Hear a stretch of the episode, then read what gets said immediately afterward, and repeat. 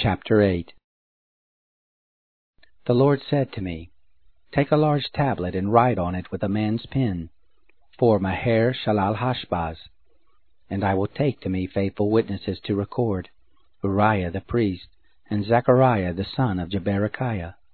I went to the prophetess, and she conceived and bore a son. Then the Lord said to me, Call his name Maher Shalal Hashbaz, for before the child shall have knowledge to cry, My father and my mother, the riches of Damascus and the spoil of Samaria shall be carried away before the king of Assyria. The Lord spoke to me yet again, saying, Because this people have refused the waters of Shiloah that go softly, and rejoice in Rezin and Remaliah's son, now therefore, behold, the Lord brings up on them the waters of the river, strong and many, even the king of Assyria, and all his glory. And it shall come up over all its channels, and go over all its banks, and it shall sweep onward into Judah. It shall overflow and pass through. It shall reach even to the neck, and the stretching out of its wings shall fill the breadth of your land, Immanuel. Make an uproar, O you peoples, and be broken in pieces and give ear, all of you far countries. Gird yourselves and be broken in pieces. Gird yourselves and be broken. Take counsel together, and it shall be brought to nothing.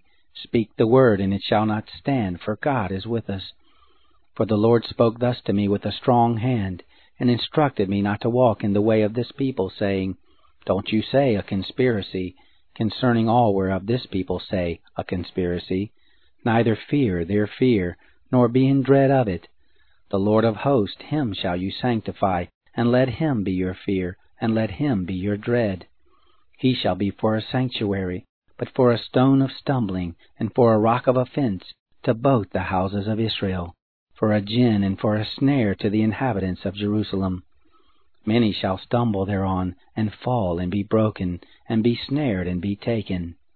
Bind up the testimony, seal the law among my disciples. I will wait for the Lord who hides his face from the house of Jacob, and I will look for him. Behold, I and the children whom the Lord has given me are for signs and for wonders in Israel from the Lord of hosts who dwells in Mount Zion. When they shall tell you, consult with those who have familiar spirits and with the wizards who chirp and who mutter. Shouldn't a people consult with their God? On behalf of the living should they consult with the dead? To the law and to the testimony. If they don't speak according to this word, surely there is no morning for them. They shall pass through it, sore distressed and hungry. And it shall happen that when they shall be hungry, they shall fret themselves, and curse by their king and by their God, and turn their faces upward. And they shall look to the earth and see distress and darkness, the gloom of anguish, and into thick darkness they shall be driven away.